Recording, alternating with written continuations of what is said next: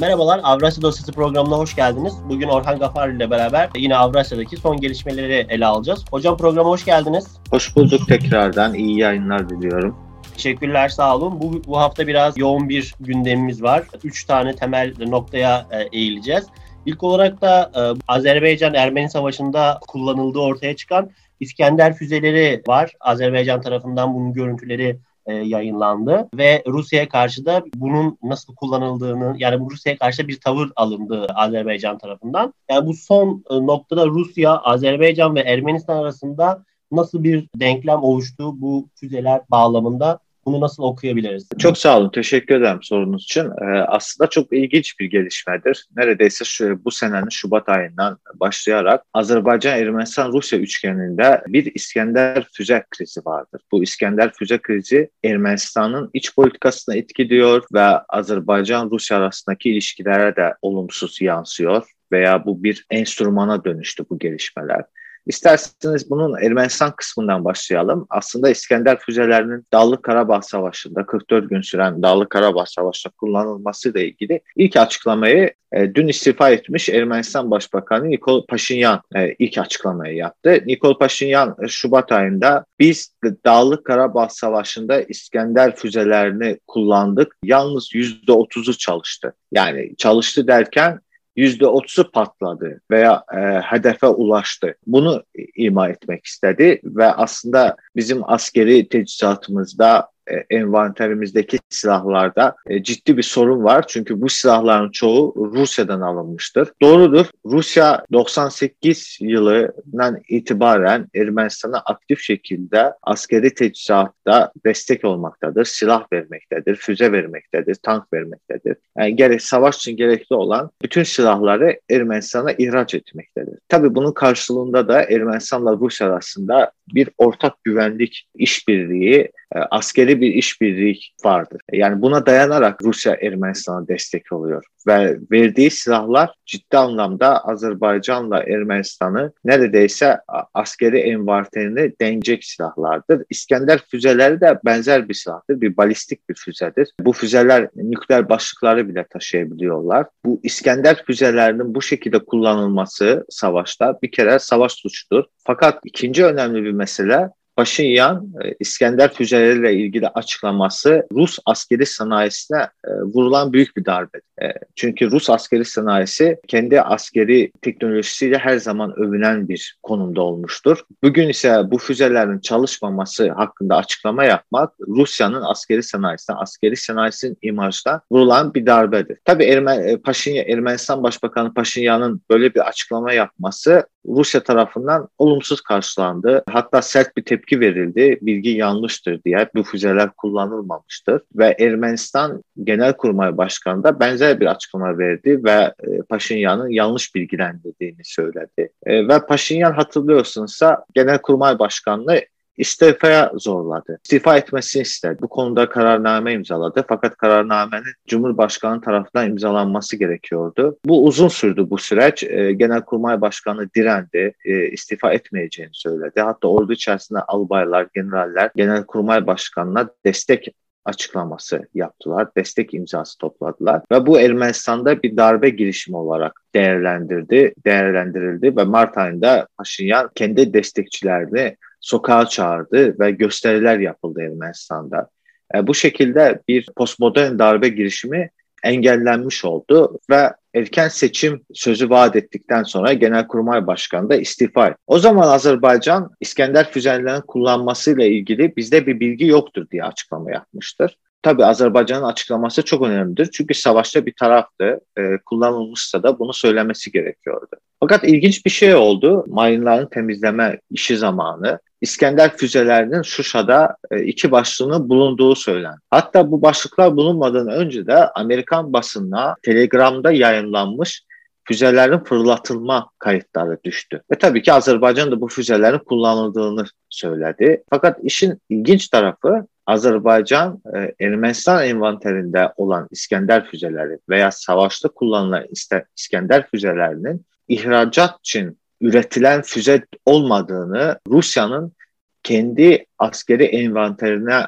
envanterinde olması gereken İskender M modifikasyonunun olduğunu söyledi. E, tabii bu bir skandaldı. E, çünkü böyle bir füzenin Ermenistan'da olmasıyla ilgili herhangi bir bilgi yoktur. Ve Ermenistan Devleti'nin Karabağ Savaşı'nda bu füzelerin kullanılması da bir savaş suçuydu. Neredeyse Azerbaycan'a bir kazus belliydi, bir savaş ilanıydı. Bu füzelerin bulunması Ermənistan, Azerbaycan ve Rusya üçgeninde dengelerin oynamasına neden oldu. Bir kere füzelerin kullanılması Ermənistan iç politikasına Paşinyan bağlamında olumlu bir etkisi oldu. Yani Paşinyan'ın füzelerin kullanılması ile ilgili verdiği bilginin gerçek olduğunu gösterdi ve Rusya'nın Savunma Bakanlığı'nın ve Ermenistan'ın Genelkurmay Başkanlığı'nın verdiği açıklamaların ise yanlış olduğunu yalan olduğunu ortaya çıkardı.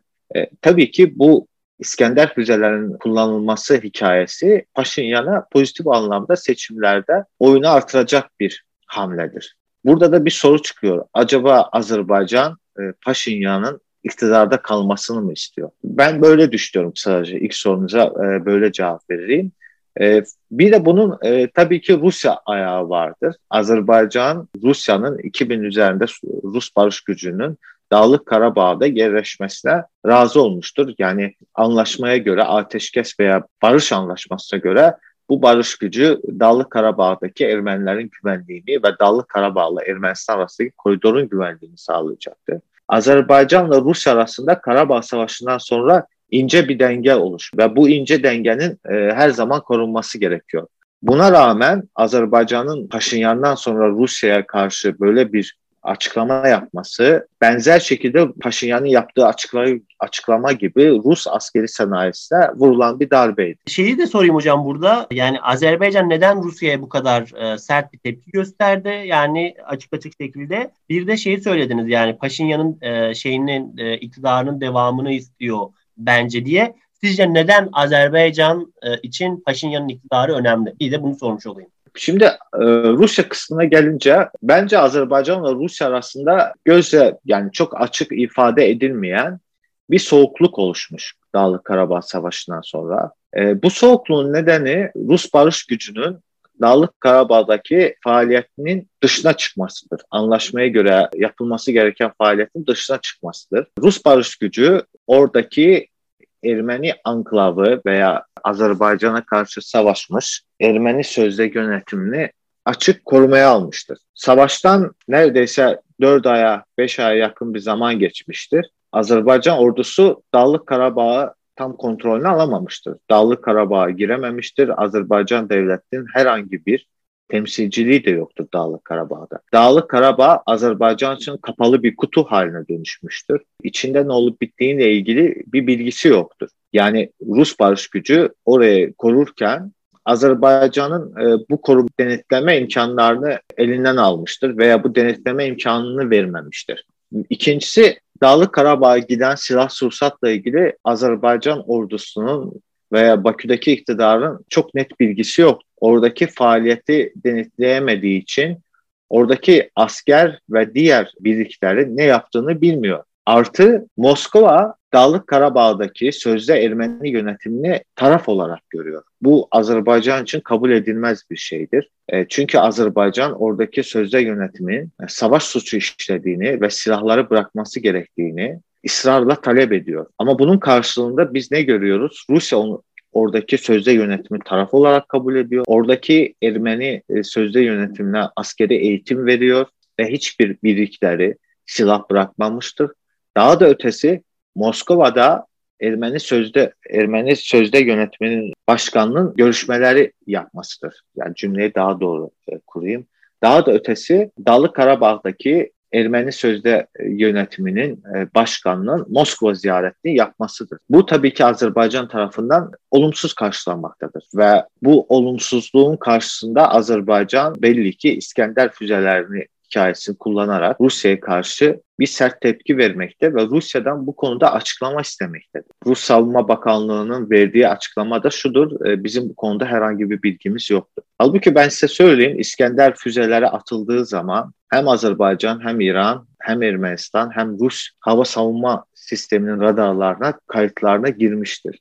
Çünkü bu füzeler izlenilebiliyor hava savunma sistemi radarları tarafından. Ve böyle bir denklem, denklemde Azerbaycan ne yapıyor? Rusya'nın sevmediği aslında Paşinyan'ın iktidarda kalmasını çalışıyor. Neden Paşinyan iktidarda kalmasını e, çalışıyor? Evet, savaş öncesi Paşinyan'ın tecrübesizliği ve popülist söylemleri yüzünden biz Karabağ Savaşı çıktığını gördük. Fakat Azerbaycan aynı zamanda Ermenistan'da Karabağ klanı olarak adlanan Koçaryan Sarkisyan çiftinin tekrardan iktidara gelmesini de istemiyor. Yani burada daha net söylersek iki kere Cumhurbaşkanı olmuş ve dağ, sözde Dağlı Karabağ Yönetim Başkanı olmuş Koçaryan'dan bahsediyor. Çünkü Koçaryan Ermenistan'da tekrardan iktidara gelmek istediğini çok açık şekilde ortaya koyuyor ve söylüyor. Ve bunun için müthiş bir para harcıyor.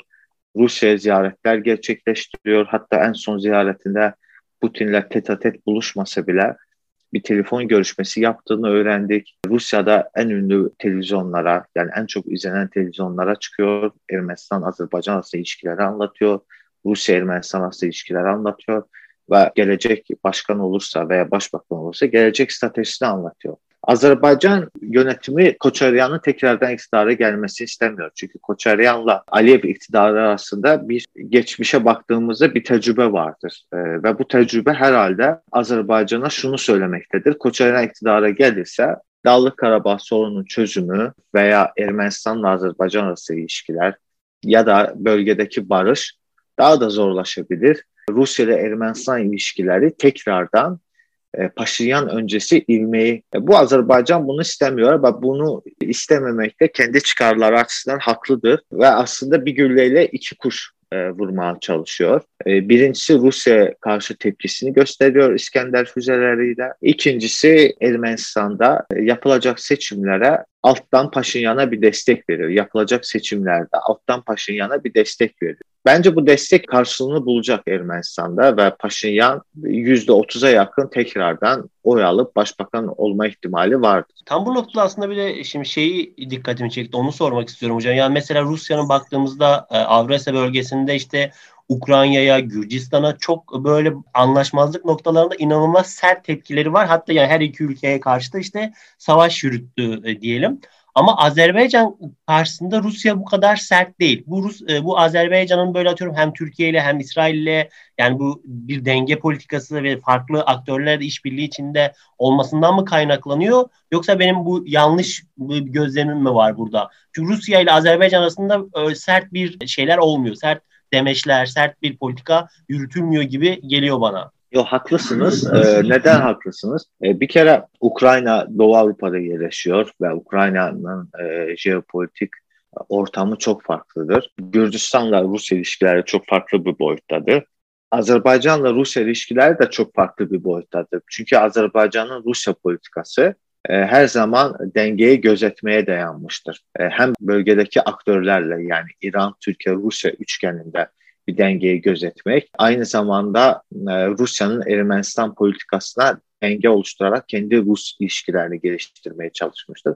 Böyle çetrefilli birinci e, alt ve üst düzeyli bir denge politikası vardır. Yani üst düzeyli dediğim bölgesel aktörler bağlamında dengesi. Alt kategoride ise kendiyle Ermenistan arasında ilişkiler bağlamında Rusya ile ilişkilerini her zaman dengelemiştir. İkincisi Azerbaycan hiç bu e, hiçbir zaman Rusya'nın Azerbaycan'da ekonomisine tam açılmasına müsaade etmemiştir. Bu ilişkileri dengeli karşılıklı çıkar üzerinde kurmuştur ve Rusya ile yaptığı silah ticareti, silah alımı Rusya ile yaptığı tarımsal ürünler bağlamındaki ticareti veya diğer alanlardaki ticaretinde her zaman bir denge olmuştur. Bunun için de Rusya'nın Azerbaycan'da baskı enstrümanları her zaman kısıtlı olmuştur. Diğer taraftan bölgesel aktörler bağlamında bakarsak Karabağ Savaşı'ndan sonra ilk defa e, Rusya Karabağ, Dağlık Karabağ yakın bir bölgede Türk gözlemci, Türk askerlerinin e, Mehmet'in gözlemci noktasının kurulmasına sert bir e, tepki göstermedi. Yani tabii ki bu bölgede dengeleri değişti. Azerbaycan'ın manevra imkanı daha geniş olduğu için e, Rusya Azerbaycan'a, Gürcistan'a ve Ukrayna'ya yaptığı baskıyı yapamıyor. E, çünkü ikinci tarafı bu Dağlık Karabağ'daki Rus barış gücü var. Bu Rus barış gücü Birleşmiş Milletler tarafından onaylanmamıştır hala. Birleşmiş Milletler'de e, sürecinden geçmemiş bir süreçti. Barış gücü yerleşimi söz konusudur. Ve Azerbaycan bu meseleyi uzatıyor. Yani bunu Birleşmiş Milletler'de kayda geçmesini uzatıyor ve detaylarını daha da netleşmesini istiyor. Ve diğer taraftan bir Minsk grubu e, vardır. Rusya eğer çok sert tepkiler ortaya koyarsa Azerbaycan Minsk grubunu tekrardan çalıştırmaya başlayabilir. Çünkü Minsk grubunun çalışılmasında bugün de en çok meraklı olan Paşinyan iktidarıydı. Ve veya Ermenistan'daki batılı gruplardı, e, batıcı iktidardı. Yani e, Ermenistan'la Azerbaycan arasında anlık olarak çıkarlar uyuşabilir bu. Dolayısıyla Rusya'nın o bölgedeki denklemde imkanları hem geniştir hem de aynı zamanda hata yapmaması gereken bir düzeydedir.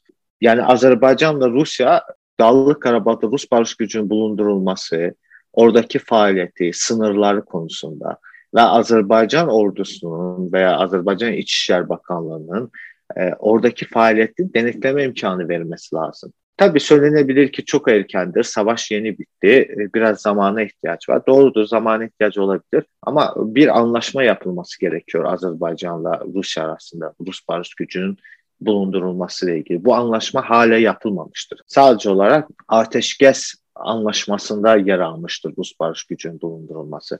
Bu ise yeterli değildir. Bunun hem Azerbaycan Rusya arasında yapılması gerekiyor ve Birleşmiş Milletler'de e, kayda geçmesi gerekiyor. Dolayısıyla Azerbaycan'ın elinde Rusya'ya karşı e, iki önemli enstrüman vardı. Rus barış gücünün bulundurulması ile ilgili anlaşmanın yapmaması. E, ikincisi İskender füzenin kullanılması ile ilgilidir. Hatta üçüncüsü de e, Rusya ile ilişkiler kötüye doğru giderse e, MIS grupunun faaliyetini tekrardan aktifleştirmektir. Yani dolayısıyla Rusya da bütün bunları bildiği için Azerbaycan'a karşı e, sert tepki koymuyor.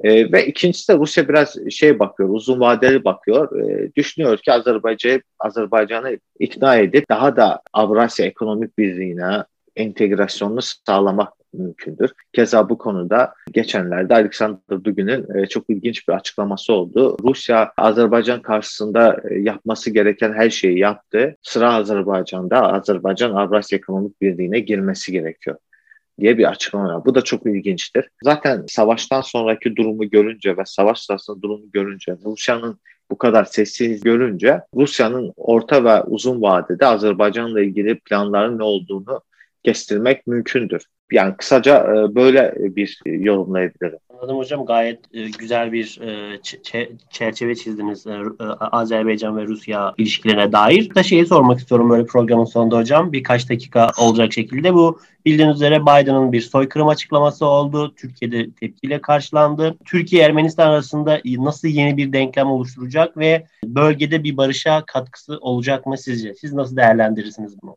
Yani Biden'ın Ermenistan soykırımıyla ilgili, Ermeni soykırımıyla ilgili 1915 olaylarla ilgili açıklaması tabii ki ilk düşündüğümüz olumsuz bir yansıması olacaktır. Fakat ben bunu birkaç nedeni olduğunu bu açıklamanın e, düşünüyorum. Birincisi Amerikan yönetiminin e, Karabağ Savaşı zamanı sessiz kalmasından dolayı bugün bu yapıldı. E, ikincisi e, Amerikan-Türk ilişkileri arasındaki soğukluk söz konusudur.